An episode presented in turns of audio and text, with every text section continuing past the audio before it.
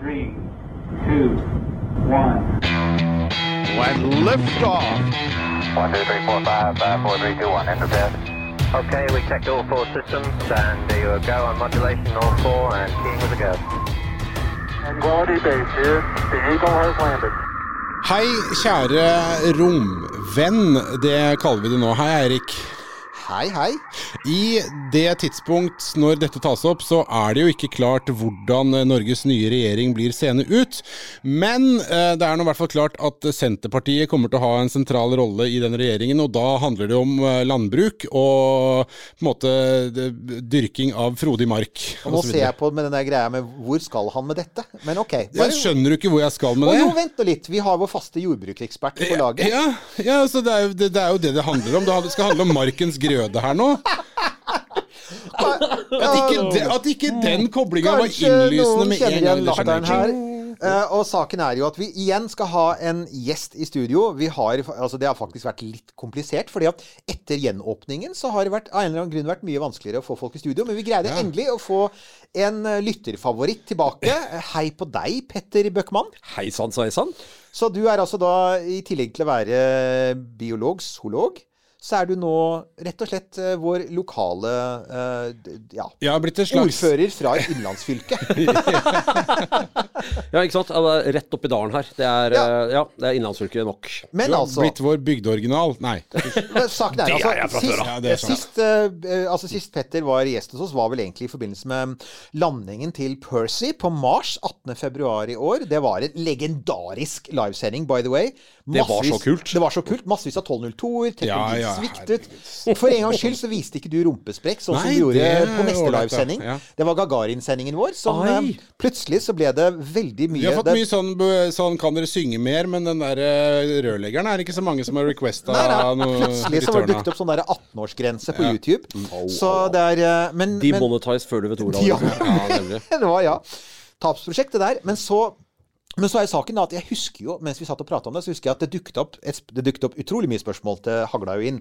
I tillegg til all spammen, så handla det om en del sånn legitime spørsmål òg. Og en ting som alltid dukker opp da, er jo sånne ting som terraforming. Ja, ikke sant. Og, og, og det var, det, jeg husker vi snakket om det, og så var det sånn Ja, men vi har ikke egentlig snakket ordentlig om det. Og dere som hører på, med jevne mellomrom Vi får sjukt mye henvendelser. Det er hver dag. Kommentarfelt, eh, Messenger, mail, alt mulig. Så, og en, en gjenganger er faktisk terraforming. Folk slipper ikke helt tak i det. Så det er liksom temaet i dag, er Vi snakket om Mars. Ja, det er Mars vi snakker om, for det er liksom den som egentlig er terraformbar. Den mest realistiske planeten å terraforme, men for meg så, altså, som ikke vet noe om det, så tenker jeg at terraforming, det er jo, så, det er jo bare fiksjon. Ja, og det er der Ja. Ja, og det er der, det er der vi så, så, så, så det er der vi tenker er Petter. Og det, det første vi kan tenke er Vi må jo starte med en ting. Det er at Mars har en gang vært snillere mot liv enn det den er nå, ikke sant? Ja, Mars har jo hatt en litt ordentlig atmosfære, før alt sammen bare rant ut i sanden. Eller ut i verdensrommet, kanskje riktigere å si. Ja. ja, og det ble jo bare Poenget at uh, det er et par ting du trenger for å ha liv på en planet. En av de tingene er en atmosfære. Ja, og det, da blir jeg vel sånn Har hatt, ok, så den, den har forsvunnet. Og så tenker jeg at jeg får veldig, veldig, veldig veldig vondt i hodet ved å tenke på å lage en atmosfære. Ja, Problemet er at den vil jo lekke ut. Ja. For Mars er for lett. Mars er jo Hvor svær er den, Erik? Dette er sånn som du redd på? Ja, så den, har, den er noe sånn som halvparten av jordas diameter, en tredjedel av jordas gravitasjon. Og det er gravitasjon som er det viktige her. Ikke sant? Og, og faktisk er det nettopp publisert. Det var For to dager siden så ble det sluppet en ny um, eh, artikkel om dette, hvor det er en gruppe forskere som har sett på å bruke Mars som eksempel. Og det de sier er uh, i verdensrommet så teller størrelsen, rett og slett. Size matters. Og det de har kommet til, er at Mars representerer en slags nedre Den ligger rett nedenfor grensa for hva for, for en planet som, som stabilt kan holde på liv, da, på grunn, Ja, nettopp pga. at, at den har lav gravitasjon. Og dessuten så har den heller ikke noe magnetfelt, og dermed så treffer solvinden atmosfæren, og den røsker med seg. Det som ikke eh, løper sin vei pga. lav gravitasjon, tredelsgravitasjon, det tar solvinden seg av. Så, Så, men er det, da, er det det som da skjedde med atmosfæren som en gang var på Mars? At den var på en måte forgjengelig? At den ble revet i stykker rett og slett av det ytre miljøet? Det er, det er jo det som har skjedd. Uh, all, altså, hele solsystemet har atmosfære. Sola er jo i bunn og grunn bare atmosfære. Jupiter er i bunn og grunn bare atmosfære. Alt har hatt atmosfære. De som ikke er tunge nok til å holde på svineriet, har fått ting blåst ut. Du ser hele indre solsystem, steinplaneter, kommer du utafor asteroidebeltet en plass, så begynner det å dukke opp gassplaneter. Ja, ikke sant? For der er, og de, de store tunge der ute. Men igjen så er det sånn at hvis du er liten og lett, sånn som typ Europa, den ismånen til Jupiter, igjen, der er atmosfæren borte. Det har nok en gang vært noe der, men, men den gassen som var igjen da de ble dannet, har, har lekket bort. Og det er jo et viktig sånt hint, da. Det er jo selvfølgelig dette at det finnes sånne fysiske ting ved Mars som gjør det supervanskelig å terraforme den. Og hvis vi noensinne skal gjøre det, så kan vi si at den atmosfæren må vi fylle på. Det må vi fylle på, og Mars kommer ikke til å se ut som Mars når vi er ferdige. Nei, og så er det jo også sånn, ikke sant, det Jeg liker sånne at du sier når. Ja, ja, det, det blir spørsmål. Jo, men altså, ikke sant? For det er jo noe sånn, for det er noe sånn fysiske greier. Altså, du, du, Mars har massevis av is. Og de har regna ut at hvis du klarer å tine opp den isen som ligger under overflaten oppå på polene, så, er, så kan liksom hele Mars kan dekkes med noe sånn som 30 meter med vann. Så det er Kjempebra. So far, so good. So far, so good. Du har ikke noe særlig atmosfære. Kanskje kan du skape det, og da har det vært snakk om eh, Elon Musk vil atombombe polene på Mars. Det høres veldig Elon Musk ut, for å si det rett ut. Nuke Mars. Nuke Mars, yes. Eh, Men altså, da, da begynner vi å se litt av, av det helt grunnleggende problemet med terraforming som konsept. Fordi at ja, vi må gjøre om en hel planet. Elon Musk går hen, atombomber Mars. Dette blir radioaktivt. Ja. Hvor lang tid tar det før det er mulig å være på Mars? Og det er tidsaspektet her som Ja. spenner bein på de fleste av disse Det, det gjør det. Ja. Og, og, og jeg, jeg skal være helt ærlig med deg. Helt, du har helt rett. Altså, jeg er jo ikke biolog. Jeg er opprinnelig fysiker. Og jeg kan si at fysikerne meg stusser også. For at det er noe med skalaen her. Og jeg ser på dette Ja, hvis du atombomber polene, da. Og hvis du klarer, eller bruker store speil i rommet, har vært et annet forslag. Svære roterende speil som kan reflektere sollys ned. Og, og fordampe isen og tørrisen. Du, det er masse CO2 der. Ikke sant? Så vil du få en drivhuseffekt. Du vil få litt Du vil få vanndamp. Men det er ikke så mye. Altså, det er ikke veldig mange prosent mer atmosfære du får. Akkurat nå så er Mars-atmosfæren ca. 1 av jordatmosfæren. Da snakker vi kanskje om 3-4-5 Ja, ikke sant? Det er fortsatt altfor tynt. Altså, Hva er det på toppen av Mount Everest, da? Der, må- der må du gå med pustemaske. Ja, for å der ta tror jeg det er 30 eller sånt. Ja, ikke og, ikke sant? Og, der, og der er det jo i dødssonen. Ja. Så, så Men, da, men, men altså, selv om du gjør det, da, så er ikke det noe vits i. For det du bare gjør, er å fyre for kråka. Ja, for det renner ut igjen. Og det som er Oi, unnskyld, nå skal jeg slutte å lage trommelyder. bare, bare være engasjert, eh, Petter. Dette her er Contentum, det Ja, ikke sant. Det som, det som er eh, Selve hovedproblemet er at du er nødt til å være tung nok Disse planetene må være tung nok til å holde på nitrogenet sitt. Hvis du ikke får holdt på nitrogenet ditt, så får du ikke resten av atmosfæren. Atmosfærefylle, så å si. For nitrogen er, jo er bare fyll. Det er bare tulleatmosfære. Men det er det som sørger for å holde på plass alt dette her andre. Hvis du tar og, og ramser opp alle disse potensielle atmosfæregassene etter atomvekt Vi har metan, og vi har hydrogen, og vi har helium, og vi har alt mulig rart. Du ser at en hel del av det lekker ut også fra planeten vår. Vi lekker oksygen ved polene. Og vi er jorda. Vi gjør det. Vi lekker også ganske, faktisk ganske mye hydrogen. Vi, vi, altså I løpet av eh, et år så, så lekker det ganske mange tusen tonn med det. Så, så også jorda mister litt. Men, men vi er liksom sånn Vi har så mye atmosfære, vi har så mye vann, så vi kan tåle det. Mars har allerede mista det. Og, men la oss nå tenke oss hvis vi, hvis vi tenker oss at vi på et eller annet vis fikser det. Vi skaffer nok uh, råmaterialer til å ha en atmosfære. Vi bygger et kunstig magnetfelt. Det har folk snakket om. Ja, det, Hva- det er liksom den tredje tingen som må på plass. Da må du sette ja. opp et magnetskjold som skal ligge permanent mellom Mars og sola i det som heter Lagrange-punktet. som vi, det, det motsatte, der hvor web-teleskopet skal stå når det står bak månen. Uh, men det, dette er Mars sitt Lagrange-punkt mellom Mars og sola. Der kan du plassere et stabilt punkt. Eh, og der har du et stabilt punkt. Der kan du bygge en kjempesvær Tesla-generator. Altså, Så er det nå ikke er vi bilen. på liksom the moon of Endor. Uh, Ja, Ja, vi er, vi er, vi er litt der. Det Ja, er, det er morsomt du sier det, for at det er helt klart, dette er som, dette er som Star Wars 3, liksom. Ikke sant? Uh, og, og, og da er saken at uh, hvis vi får til det, da Så jeg liksom tenker La oss tenke oss at vi gjør det. La oss tenke oss at vi har fiksa det. Det høres ikke realistisk ut i det hele tatt. Nei, nei, Så men kan det, vi begynne å ser vi Det er, Så- vet du at det er ingeniørproblem er dette? Dette er et ingeniørproblem. Men så er poenget selvfølgelig Det er jo Altså, det er jo ingenting. For nå skal du gi den liv. Da har du bare satt opp drivhuset. Og, og her kommer vi til det. Jeg, og jeg må ærlig innrømme at jeg syns det har vært altfor mye fokus på de rent tekniske tingene. Og hver gang vi får en henvendelse fra lyttere, så sier de også de det. Er det mulig å skape en atmosfære? Er det mulig å få vann? Og så sier jeg jo, i prinsippet så kan du vel dumpe nok is ned på at du får det. Men så kommer du til den neste biten, og det er Går det an, Petter? Altså, et økosystem. For det, du kan jo ikke bare plassere noen planter her. Du må da ha et komplett økosystem, må du ikke det? Du må lage et økosystem. Nå er det jo sånn at økosystemer kan faktisk være kjempeenkle. Hvis vi går litt tilbake eh, i historien til vår egen planet, og det er jo alltid et greit sted å begynne, for det var jo ikke akkurat eh, roser og fioler på jorda heller, sånn i, i børjan, eh, så var det, hadde du et sånn superenkelt økosystem som besto av eh, atmosfære og vann eh, og litt sånn ursuppe. Og så hadde du innmari tidlig liv. Punktum. Kjemotrofer de levde av de, de atomene som bare sånn spontant generert, generert med sollys og ultrafiolett stråling og den, at, den atmosfæren og alt det tullet der. Eh, og da det ble sånn nokså brukt opp, og det tok noen, og nå er vi oppe i sånn millioner av år, og ganske mange av dem, så dukket de først opp som kunne utnytte karbondioksid, og da begynner vi å nærme oss et økosystem med bare produsenter. Ingenting annet. Bare cyanobakterier. Kun cyanobakterier som levde av å suge karbondioksid ut av atmosfæren. Og det gjorde de i tre milliarder år før det var blitt nok oksygenatmosfære til at det egentlig var lov inn å tenke på noe annet. Amøber. Ikke sant? Da har vi kommet, etter tre milliarder år så har vi Men- kommet men til amøbestadiet. Men kan vi være enige Petter, om at altså, vi har ikke tid til å vente så lenge hvis vi skal terraforme Mars? Nope. Og ikke bare det, men jeg tenker at, at vi er jo, altså Homo sapiens er jo en del av dette komplekse økosystemet. Så dette veldig enkle økosystemet altså det, vi, vi, vi trenger vel mye mer enn det. Vi trenger langt mer av noe som ligner langt mer på det vi har rundt oss nå.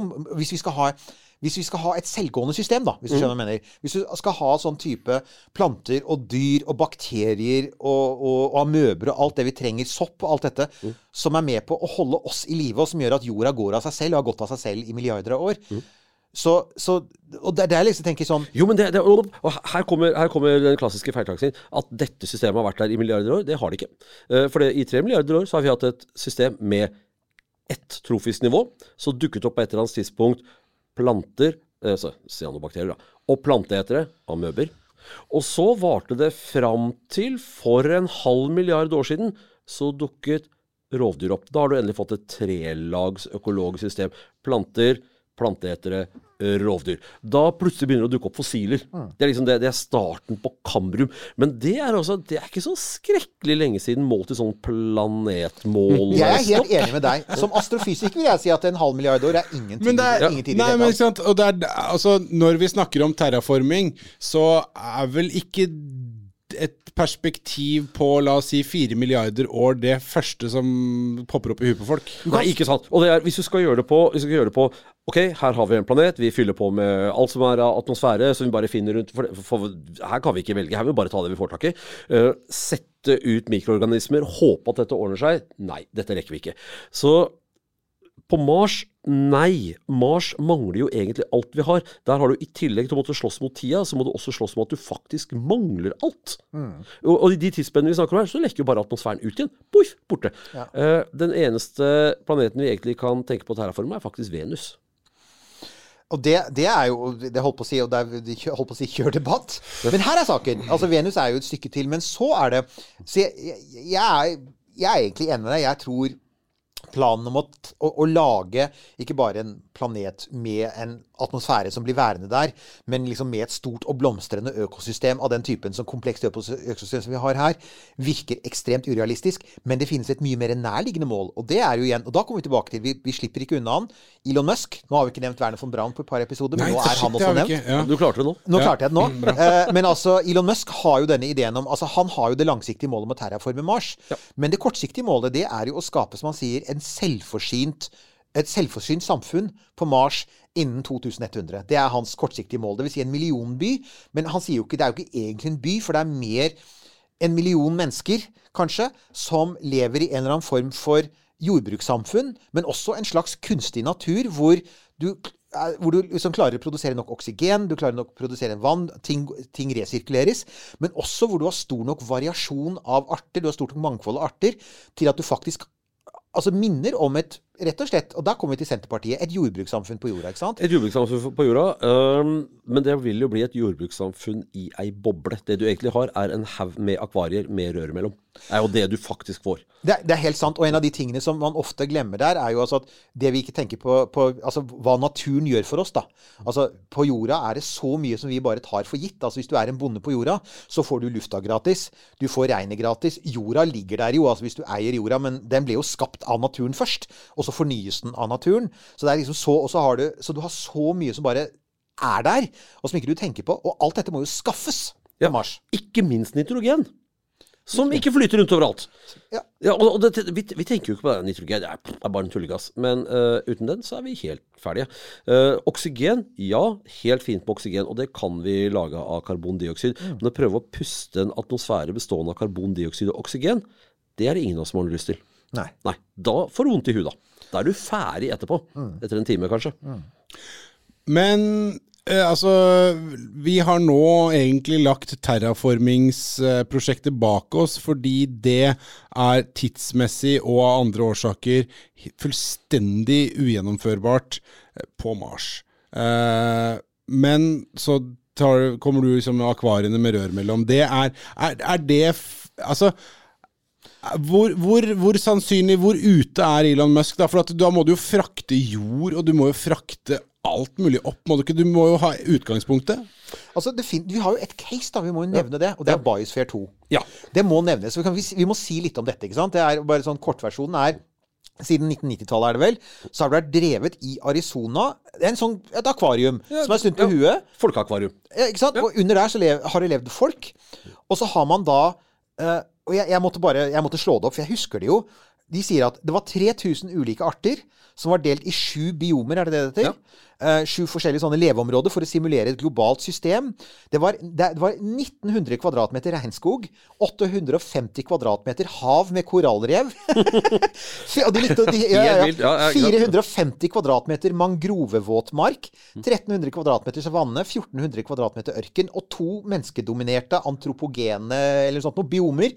Altså et jordbruksområde, igjen, Mm. SP-land, og eh, MDG-land, boliger og laboratorier og, og elsykler. Ja. Så, så jeg tenker eh, Altså Men Det er, hvor bra gikk det egentlig?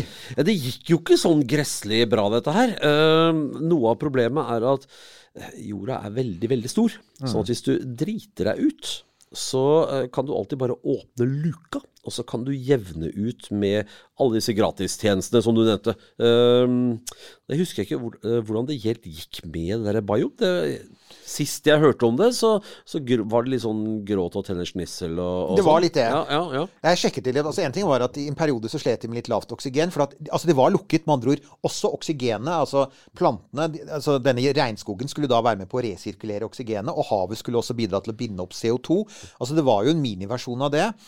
Eh, et av de største problemene de hadde, var de skulle også produsere all maten sin internt der. Og det, det ja. For å si det sånn det var, jo, det, du må, La oss si du er på Mars, da. Da har du ikke noe valg. Nei, nei, men det- du får ikke burger fra, sendt fra jorda da, for å si det sånn. Du Nei. gjør jo ikke det, ikke sant? Og det, og det, og de, altså det, der eh, forteller jo flere av de som var med, at de gikk på et kraftig vekttap fordi at det var veldig vanskelig å produsere nok kalorier.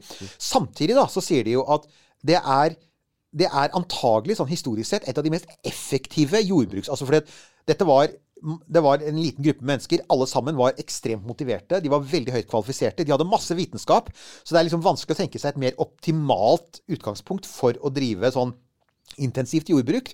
Og de mener jo at de fikk det maksimale ut av jorda, og likevel så sleit de jo veldig med å skaffe nok kalorier.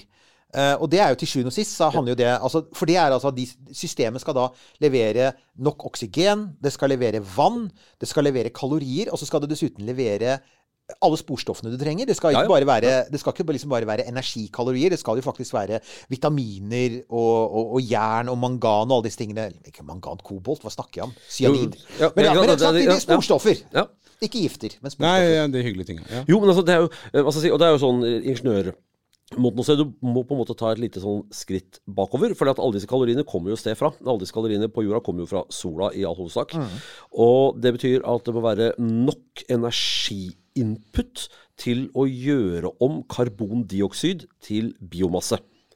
Og så må det være nok energiinput til at den massen som vi da skiter ut i andre enden igjen, går over til å bli ting som plantene kan bruke og lage vann. Eller hva skal jeg si, kan råtne bli karbondioksid og vann, som så kan bli biomasse og oksygen. Altså det er den der, det er den jevne energiinputen. Det blir vrient på Mars, for der er det ikke så fryktelig mye sol. Ja, du kan sende opp noe atomkraftverk, men da, det eneste du har gjort, er at du har laget deg en slags kunstig sol som må etterfylles.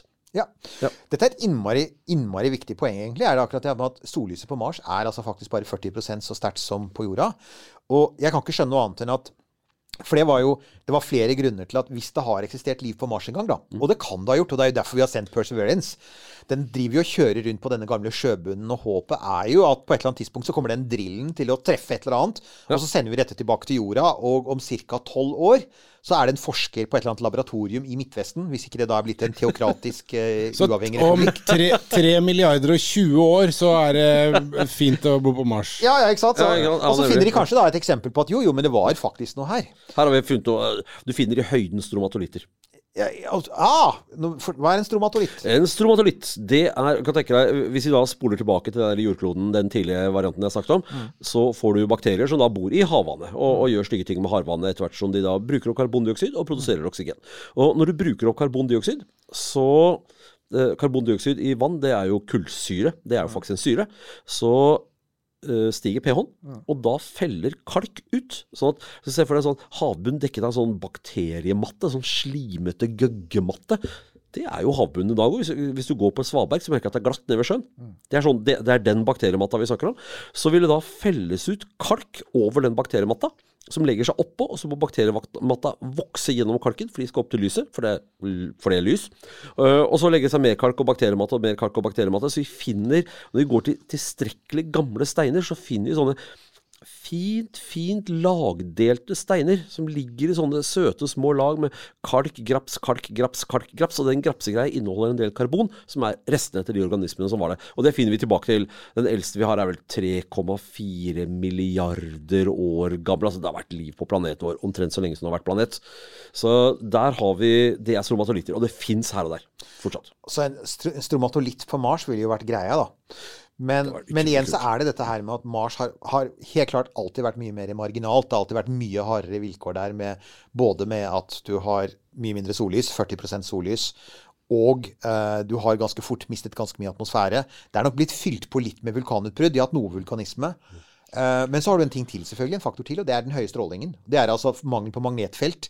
Eh, og tynn atmosfære gjør jo at Mars har en mye sånn høyere bakgrunnstråling enn det som er vanlig på jorda. Så det, det er mange ting som gjør at um, livet på Mars eh, sli, det, det, det sliter litt mer, rett og slett. er, alt blir vanskelig på Mars. Alt er, altså, det er vrient nok på jorda. Biosphere på jorda med eh, sterkere solinnstråling, nok med vann osv. i utgangspunktet. Sleit jo. Og der tenker jeg også en annen Hei, ting. og jeg har et spørsmål her borte Ja, fra ja. flanken, borte fra kontrollområdet hvor jeg sitter. Uh, jeg vil bare litt kjapt tilbake til Elon Musk og hans plan da om å lage eh, et eller annet eh, i anførselstegn, eller ordets videste forstand, selvforsynt samfunn, om de da bor i akvarier over bakken eller under bakken. Det er liksom samme innen Var det 2100? Var det, 2100, 2100 er det, her, ja. Det er jo da sånn sett ikke så innmari lenge til. Nei, Men er det, er det er, Tror du at det er realistisk? Hva skal vi si? Eh, det det egentlig er, er en romstasjon som ligger litt langt unna. Det er jo ikke, vi snakker jo ikke om terraforming. Nei, vi gjør ikke det, men vi snakker jo om Det skal jo åpenbart være They're going to have to science the hell out of it. Ja, Altså altså, dyrke noen poteter i et eller annet. Men Det er klart, de tenker en sånn megavariant av Mark Watney. By the way, Ja. det er veldig bra du stiller spørsmål, for en av våre lyttere sa at på vår Pluto-sending, som vi har fått ros for, så var du altfor lite undrende.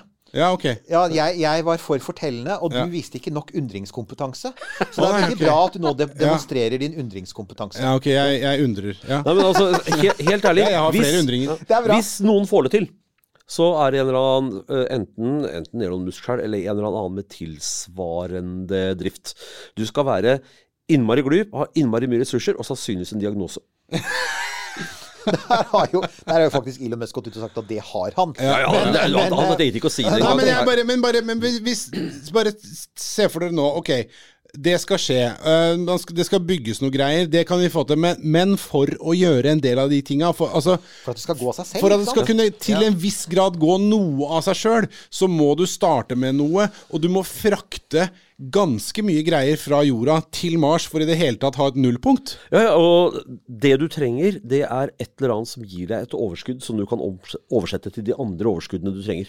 Du må ha en eller annen prosess som er sopp, kaster såpass mye av seg at når det er skorte på noe annet, så kan du på en måte eh, tjuvkoble prosessen. Hva er det? nok. Et eksempel på det? Jeg tror den eneste mulige prosessen du kan ha, som kan tjuvkobles, er energi. Jeg tror de er nødt til å sette opp ikke bare ett, men ganske mange kjernekraftverk. Sånn at de har et energioverskudd ved enhver anledning. Når de er i ferd med å gå tom for, øh, for oksygen, så kan de gå inn og splitte karbondioksid direkte og, og pumpe inn i systemet. Det tror jeg er eneste muligheten. 1202. Jeg tror, tror du har helt rett i det. Altså at denne ideen om dette her eh, selvforsynte systemet, det må ha ekstern input, mens jorda på en måte på sett og vis er en sånn svart boks hvor alt fungerer av seg selv med sollys utenfra, så kommer Mars til å være der veldig lenge, og lenge etter 2100. Oh, ja. At selv om du har liksom sånn store, altså store sånne kupler, da. Eller jeg syns faktisk et av de beste forslagene som har vært der, er ikke egentlig å ha disse store kuplene som ligger ute på overflaten, men å ta f.eks. Slukt, slukter, altså trange dalfører, og rett og slett bygge over, for Mars Ja, har lav gravitasjon. Og så legger du glasstak over, litt som man legger glasstak over kjøpesenteret på blåsete steder i Norge. Bodø, jeg ser på deg. Så hvis dere vil vite det, så dra til Bodø. Der har du da lagt glasstak over liksom, handlegata. ja. Ja, ikke sant? Men altså, det er en fornuftig måte å tenke på. Da bruker du landskapet. Men selv da så er det også sånn at, at, Tenk at det kommer en delegasjon fra NASA og SpaceX eh, til Bodø for å se hvordan Jeg det blir syns vi skal gjøre det. Jeg liker glasstak. Bodø, jeg. Altså, Ja, ja, Det er bare, og alle dere som hører på oss i Bodø, nå vet vi at det må jo være en del av dere, siden det er ganske mange. Bodø. Men uansett, eh, så, så tenker jeg at der har vi, der har vi jo helt klart i et, i et nøtteskall det. da, altså at Du kan legge et sånt glasstak over, du kan ha grønt under. eh, men du vil alltid, altså, eller du vil i veldig lang tid, da, så vil du måtte, som du sier, hver gang du får et underskudd på noe, vann, oksygen og så, altså må Så må du skaffe det. så må du skaffe det. Men så er det en ting til, da. Jeg tenker at Et av problemene selvfølgelig med å sammenligne med Biosphere 2, det er, siden vi nå er ferdig med valget, alle skal med, er litt den følelsen du får med den. For der skulle du liksom ha alle biomene. Så tenker jeg men, men, men Peter, må du ha det? Kan du, kan du tenke deg at det finnes en sånn derre ja, temperert Altså den typen landskap du har i Frankrike, da, som er et veldig sånn fruktbart jordbruksland. Koselig eh, vinranker, passelig temperatur, nydelig sted å dra på ferie. Eh, du trenger jo ikke på Mars å ha en ørken. Du har masse ørken utenfor. Ja, ikke sant? Ørken har du mer enn nok av. Nei, jeg er helt enig med deg. Du må, ha, eh, du må forenkle systemet veldig, veldig, veldig. Du må satse på et veldig enkelt og veldig driftssikkert system. Problemet er at alle de organismene vi har å jobbe med, er jordorganismer. Og jordorganismer er vant til en planet hvor de bare kan breie seg. Sånn Jepp. det du vil være nødt til å gjøre, er å gå og finholde naturen i øra ned på mikronivå hele veien for å holde en balanse som du ikke har naturlig. På jorda så er det sånn at en, en art, eh, hva som helst, la oss si planta plante eller noe sort, den vil gro. Så lenge det ikke er noen som stopper den, så vil den gro til den har brukt opp alle ressursene sine. Alt vann, alt karbondioksid, til den er brukt opp. Uh, og så vil den dø ut. Og fordi jorda er såpass svær, så er det ting som skjer lokalt hele tiden. Du har sånne små øyer av områder hvor en eller annen plante klarer seg, altså en kombinasjon av faktorer, nok sollys og vann og bla, bla, bla, sprer seg til det er nok av den, og så enten så kommer det et eller annet sykdom og tar den, eller et eller annet, og så dør den ut. Men da er det samtidig et annet sted hvor den driver og vokser og vokser. Så det du må gjøre, er at du må ha delt opp det derre drivhuset ditt i mange underseksjoner som stadig vekk kan ha en rullende katastrofe. Men hvis katastrofene er usynkrone, så kan de på en måte bruke overskuddet fra et sted til å etterfylle et annet sted. Altså, du må drive en sånn metapopulasjonsdynamikk. Det, dette er det jeg faktisk egentlig kan. Ja, det, Ja, men det, det kan så, men, men altså, eh, det blir aldri lemenår på Mars, ikke sant? Eh, Nei, ikke sant. Men, men altså, hvor ned du, mikronivå, hvor ned er vi her nå? Hvor, hvor, hvor kontrollert eh, og hvor langt ned må noe sånt noe da eventuelt kontrolleres? Bakterienivå? Ja, ja, du kan ikke begynne å finpelle Nei, du kan ikke finpelle, men altså, du Nei, må på et eller annet vis justere det. Eller, Du må justere, du må sannsynligvis drive og flytte masse hele tiden. Mm. Fra disse underbiomene. Altså, du får, vi snakker om folk som Elon Musk her. Han har klart å finne opp et eller annet system for å skjønte dette litt mer effektivt. Men du kommer til å måtte skjønte, som igjen krever energi, som igjen krever at ting ikke bryter sammen, som igjen krever at, som igjen krever at, som igjen krever at. Det er, på jorda går det av seg selv, fordi jorda er så svær. Jeg, jeg må si, det, jeg, det du sier her, er jo utrolig viktig, for det du peker på, er at det er en kompleksitet i dette som Sant å si. Hver gang NASA skal fortelle om uh, den plantedyrkinga For de holder jo på med forskning på dette. Nummer én, veldig mye av det de snakker om når de snakker om å liksom gjenskape små økosystemer, det er gjerne lukkede systemer for vektløshet, for at de tenker på ferden til Mars. Uh, det, og det er i liten skala. Og det er selvfølgelig koselig, og det er ikke det. Det er fint at man forsker på på fint planter. sånn Fint å plante, ha grønnsakshager i, i, eh, på romstasjonen, men det forteller oss veldig lite om det vi skal gjøre på Mars. fordi at For det første er det gravitasjon, og så er det dette her med at det er mye lavere sollys, og det er ikke minst det er mye større skala. ikke sant? For her skal vi altså Vi snakker om, og, og kanskje, hvis vi skal tro Elon Musk, da, så skal en million mennesker kunne ikke bare leve, og ikke bare overleve, men faktisk leve sånn sunt, da. Sunt og godt, og ha et variert kosthold. Og du skal ha da svære områder. Altså, og det må jo bli altså Jo da, det blir noe hydroponisk, mye hydroponisk, og det blir algetanker, og det blir sopptanker, men i tillegg så skal du da ha på et eller annet vis et system som, som går av seg. Og da er det en av de tingene jeg syns jeg har sett for Du får jo ikke et system som går av seg sjøl. Det gjør du jo Nei, ikke sant? Nei, for du må liksom det tvinge systemet til å gå Ja. hele veien. Og, hvis- og så kan Ja. du, se, du kan begynne på jorda. Kan du kikke på hvor, hvor mye land trenger én person for å leve? Vi trenger vel et mål land hver av oss. Ikke sant? Ja, eh, På Mars to mål, fordi s- solutstråling er så lav. Kan du fylle på med atomkraft, men det er begrensa hvor mye du får ut av det òg. Ikke sant? Og det er da du begynner å tenke at oi, ok, altså ja, så, så kan du kompensere noe med sånn vertikallandbruk og slike ting, men selv da Og, og, og så, så kommer da folk så, så kommer da den andre som er sånn Jo, men det fins jo, altså, jo alternative næringskilder. F.eks. du kan bruke insekter, og det er sant.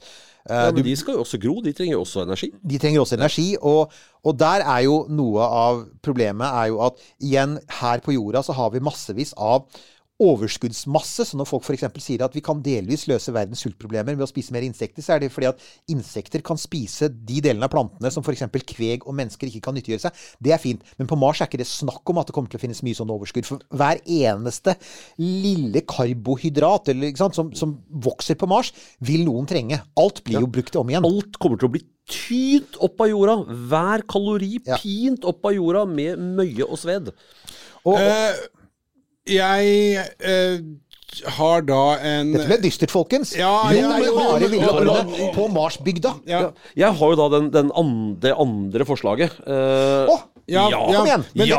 kan, jeg, kan jeg bare Var du på vei til Venus nå? Ja, det var det Men jeg kan var, jeg bare ta en liten ting til med som det gjelder sikkert for, for eh, Og før du gjør det, så må alle du, ta en trall. Men kom igjen til Ja. det du skal si. Ja, we're heading for Venus. Nei, men det jeg ville, det jeg ville si, var at det, det tar Folk, Altså et sånt system, er et sånt system som man forutsetter uh, at eh, man må ha på Mars for at da en million mennesker skal kunne leve, ikke bare overleve der. Det, for meg så framstår det som usannsynlig skjørt. At det er bare én liten ting som skal gå gærent, så kollapser det totalt. Ja, det er helt riktig. Og kanskje kollapser det til og med hvis ikke noe går gærent. Og da kan vi dra til Venus. eh, Og da kan vi dra til Venus. Og But Venus, still er, it's farewell. eh, Venus er jo ikke hva vi kaller gjestfritt eh, per i dag. Det er ikke det. Nei, er noen utfordringer der. Ja, eh, 50 atmosfæres trykk ved overflaten. Det er, er liksom, vi kan starte 400 der. grader, regnet svovelsyre, you go. Ja, ikke Du, sant? og, og da er det jo artig at du foretrekker eh, det stedet foran Mars. ja, Nå må du forsvare deg, Petter Ikke for det, nå, nå har vi utgangspunktet. Du må uansett bo i akvarium. Sånn at, uh, La oss si at vi nå bygger akvariene på Venus istedenfor. Og så har vi sånn omvendte akvarier som altså er tomme for luft inni i forhold til fulle på luft inni, som på Mars. altså, men same, same. Men du har én ting på Venus som du ikke har på Mars, og det er nok karbondioksid. Ja, Du har sant. mer enn nok karbondioksid. Du kan alltid løse problemene dine på Venus så lenge du kan omsette karbondioksid på en eller annen måte. Og du har nok solinnstråling. Den er ikke så skarp akkurat, for det er tjukt skydekke, men, men det burde være nok lys der til å komme noen vei. Det, det er jo et jeg, Altså, det mange har sagt, da, er jo at og det er helt seriøse forslag som sier at eh, men du behøver jo faktisk ikke ha en base på bakken. Du kan jo faktisk ha det svevende oppi atmosfæren. Um, og, og det er jo uh, og Som du sier, da har du masse energi. Du har mye mer energi enn på jorda, for Venus ligger nærmere sola. Uh, og du har disse eh, komplekse skyene fulle av diverse interessante kjemikalier. Mm, Som helt sikkert kan utløse til et eller annet. Og allerede på 70-tallet så ble det jo faktisk påpekt at også nettopp det sånn all, karbon, altså all karbondioksiden var jo også en mulighet for å så Venusatmosfæren med genmodifiserte bakterier. Ja, luftplankton. Luftplankton som kan liksom begynne å ete seg gjennom det og faktisk få ned trykket og, og begynne å forandre Og, og jeg tror alle er enige med at det fins ikke noen enkel fysisk måte å, å, å transformere Venus på, men hvis det er mulig å finne en eller annen form for biologisk måte, så kan det til og med være mulig å lage en sånn der, starte en prosess hvor du over hundrevis eller tusenvis av år så bare liksom trekker du eh, karbon ut av atmosfæren, begrenser drivhuseffekten, og så ender du opp med et hav av eh, hydrokarboner, eller sånn, sånn protooljehav. Altså, Stavanger are you listening, sant? Og så, og så, og så er det utgangspunktet for den, den mest interessante sånn de, de, de, kjemisk baserte sivilisasjonen Dere skal, noensinne. og de, dere kommer til å ha stand på neste oljemessa, gjør dere Ja, ikke ja, det? ja, vi sier at Det er. Hva skal vi gjøre etter Men- olje? men- Her har vi svaret. Ja, Du, nå-. Nå var vi rett fra et annet til andre partier. For, for alle eh, Nå snakker jeg for eh, Bruker jeg spør for en venn. Undringskompetansen din. Ja, Ja, undringskompetansen ja, min. Men jeg liker det ordet. Undringskompetanse. Ja, det, det ble brukt. Det, ja, det har, Men hør nå. historikk. Hør nå. Ja. Eh, jeg syns jo det er litt sånn artig uh, at det som, det, den avgjørende faktoren er at det er masse CO2. Og så sitter vi her da uh, på jorda og tenker her er for mye CO2. Mm. Men løsningen på alt og problemene altså det, er, det er Homer Simpson og øl. ikke sant? It's the cause and solution to all of my problems. ja, Yes. helt riktig. And it is. Altså, Ja. Men det er jo det, og det er karbonbalansen i et eh, økologisk eller et natursystem er ekstremt viktig.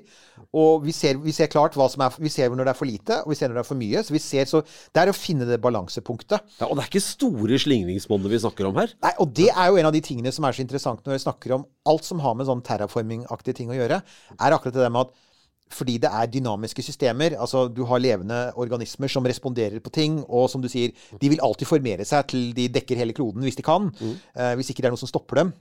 Det gjør jo at eh, Og det er jo en av de tingene som eh, jeg syns er interessant. Det er selvfølgelig det med at OK, for Venus har nemlig heller ikke et veldig sterkt magnetfelt.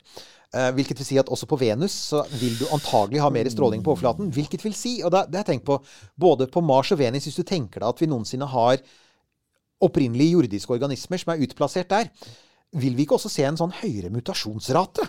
Du vil se en høyere mutasjonsrate. Eh, da er jo mutasjonsraten hos oss den, den er jo ikke null. Og den er jo med, med vilje ikke null. For det, vi trenger variasjon, vi Ja. også, eh, levende organismer. Eh, men det du helt sikkert kommer til å få, er eh, en favorisering av de organismene som har naturlig lavere mutasjonsrate. Og mer melanin i cellemembraner og sånne ting. Sånn at uh, over litt tid så vil jo alle de, stoff, alle de organismene som vi helst ikke vil at skal tilpasse seg, les bakterier, uh, de vil jo da tilpasse seg uh, lokale vær- og føreforhold, og så får vi alle de sykdommene vi ikke har noe lyst på. Det er jo interessant, det, for vi, det, det er jo altså de, de gamle diskusjonene om terraforming de tok i utgangspunkt i liksom at vi ikke visste om ekstremofile. Bakterier som kan overleve under helt sinnssyke forhold. Eh, Og en av de tingene som jeg datt over i forbindelse med researchen av dette med terraforming nå, det var at det er jo også gjort forsøk bl.a. på um, eh, Hva heter det sånn um, Lav. Ja. Liken eh, på engelsk. Altså, eh, altså lav eh, som har Det finnes varianter av lav som har ekstrem toleranse for lav temperatur og lite atmosfære. Og de har altså da faktisk fått lav til å overleve i ganske lange perioder under Mars-aktige forhold.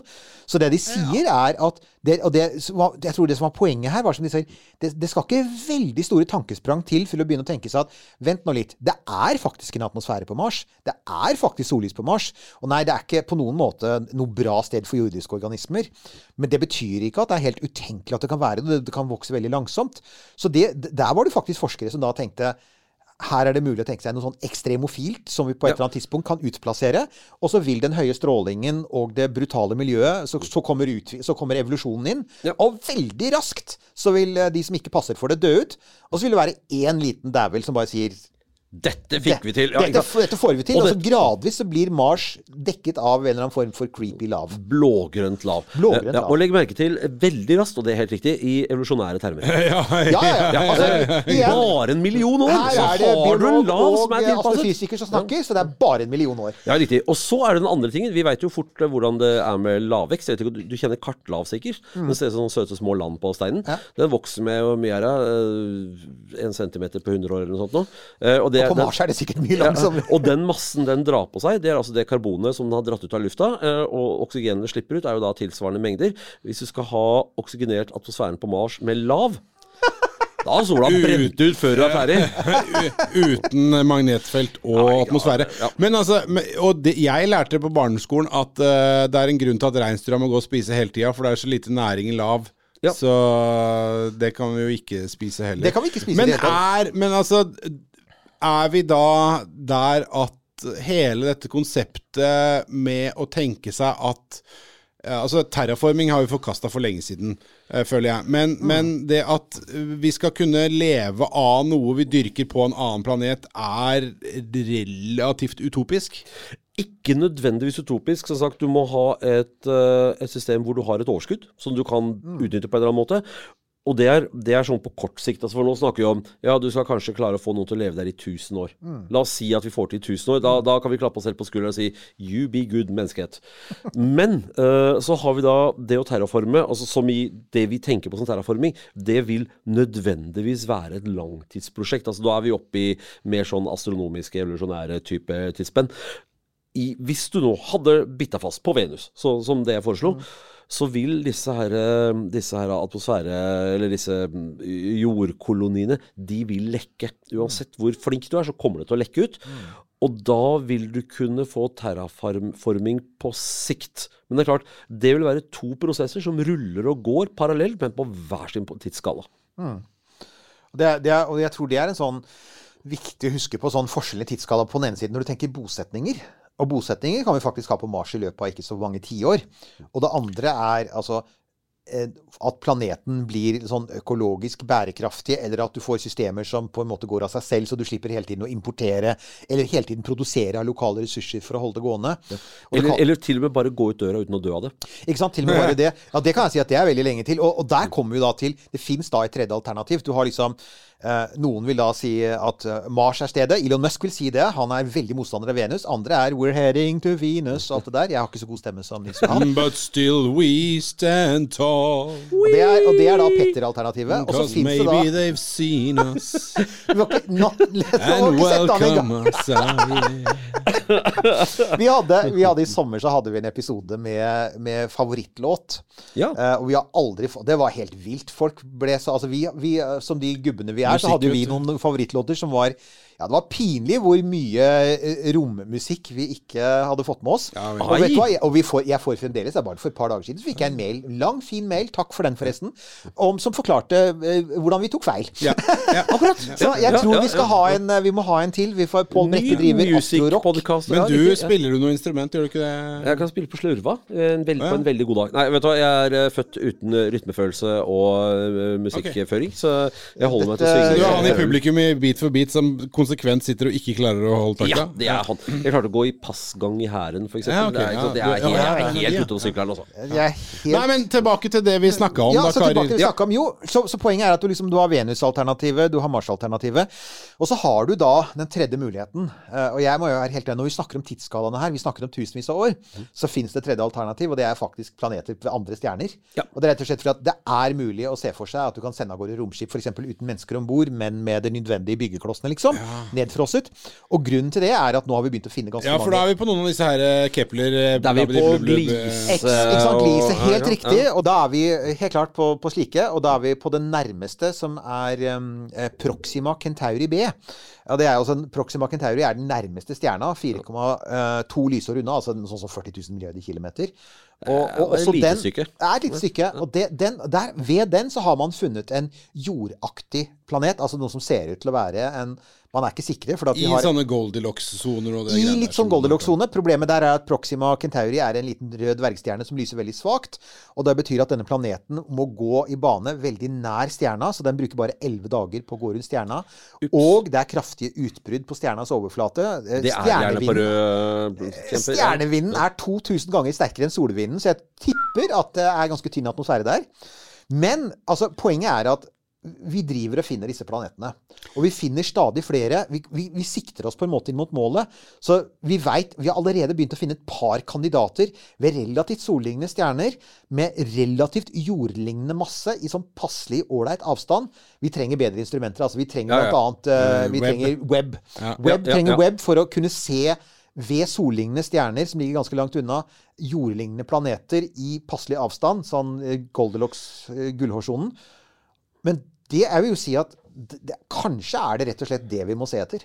Ja, altså, sånn, sånn det framstår for meg, så virker jo det som et mye mer overkommelig problem å løse det der, der å kunne ferdes på sånne avstander, enn å faktisk klare å lage til et samfunn man kan leve i, et miljø man kan leve i på noen av de planetene som vi per i dag klarer å komme oss til.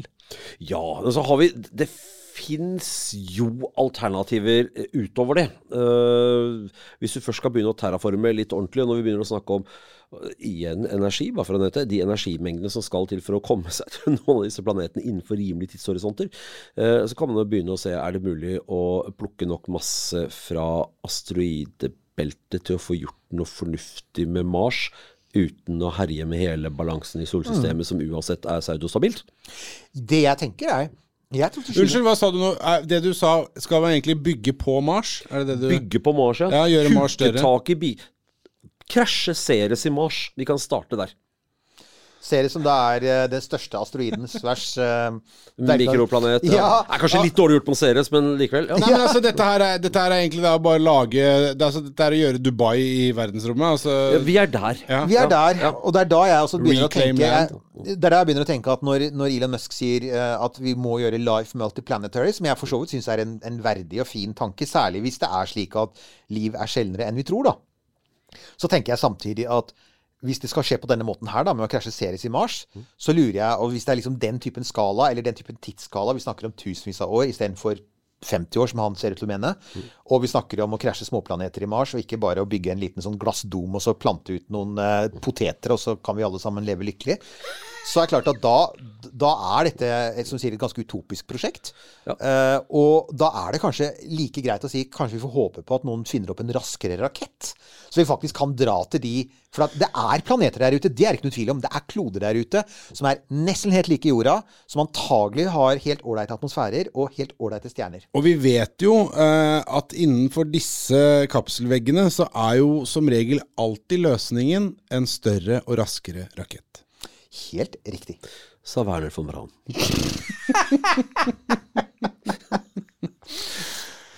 Ja, men eh, vet du hva? Vi, eh, dette her eh, er- Jeg syns det er veldig artig, for at eh, det er så mange aspekter med terrorformingsgreiene som er ganske interessant, men allikevel så får vi jo så nok en gang bare konstatert at det er helt sykt komplisert, og at det er så komplisert at det ikke er egentlig farbar vei. Ja, altså jeg tenker, det, det er litt sånn kulturkrasj her også. For romfarten er veldig ingeniørdrevet. Og det er ikke noe veien med det. Vi elsker ingeniører. De bygger fantastisk kule ting. Uh, og den er også fysikkdrevet. Jeg har sjøl fysikkbakgrunn. Jeg kjenner mange fysikere. Vi har en måte å tenke på på naturen uh, som av og til, sammen med altså, og ingeniører også, som av og til har en liksom tendens til å undervurdere kompleksiteten i biologiske systemer, og så er det på en pen måte. Men det er litt det, ikke sant? Altså, altså for at når du ser på, Hvis du ser på det, bare på det vi har rundt oss på jorda, alle de artene, alle de nettverkene, alle de måtene som energi beveger seg, energi og næringsstoffer beveger seg gjennom fra liksom sånn på disse ulike nivåene som du snakker om, og, og bare hør på de ordene som, som Hør på noen av de ordene som Petter har brukt i løpet av denne podkasten. Trofisk nivå. Trofisk nivå. Og, og prøv å merke dere neste gang Elon Musk nevner sånne ord. Det er egentlig poenget mitt. Og det er, men der, der, dermed er det ikke sagt at ikke mannen er en briljant ingeniør, for det er han. Men det, er, men det er jo mer jeg har sett på det, så får jeg også den følelsen at jeg mistenker at han sterkt har undervurdert den biologiske siden av det å ha et bærekraftig samfunn på Mars. Og at hvis vi får en by på Mars, så har jeg en sterk følelse av at den kommer til å importere sjukt mye frysetørka mat fra jorda. Det er, det er siste ord fra meg. Kort. Blir ikke noe kortreist der. Ja, selvfølgelig kjøp T-skjortene våre. Kort, eh, kort, kortreist lokalmat, det driver vi ikke med. Ja, og støtt oss på Vips. Ja, der sa du, nå sa vi det oppå hverandre. Eh, Kan godt gjøre det igjen. Vi, fra en uhildet kilde. Det er en veldig flott T-skjorte, ikke sant, Petter? Ja, det, er ekstre, det var faktisk kjempefint. Altså, eh, god, tjukk og fin stoff i. Ja. Ja, bare for å ha nevnt det, sånn siden jeg skal være litt snill her. Ja, vi håper på at kvaliteten er bedre enn på de andre. Det vil jeg tro. Eh, takk for oss, da. Ikke Terraform.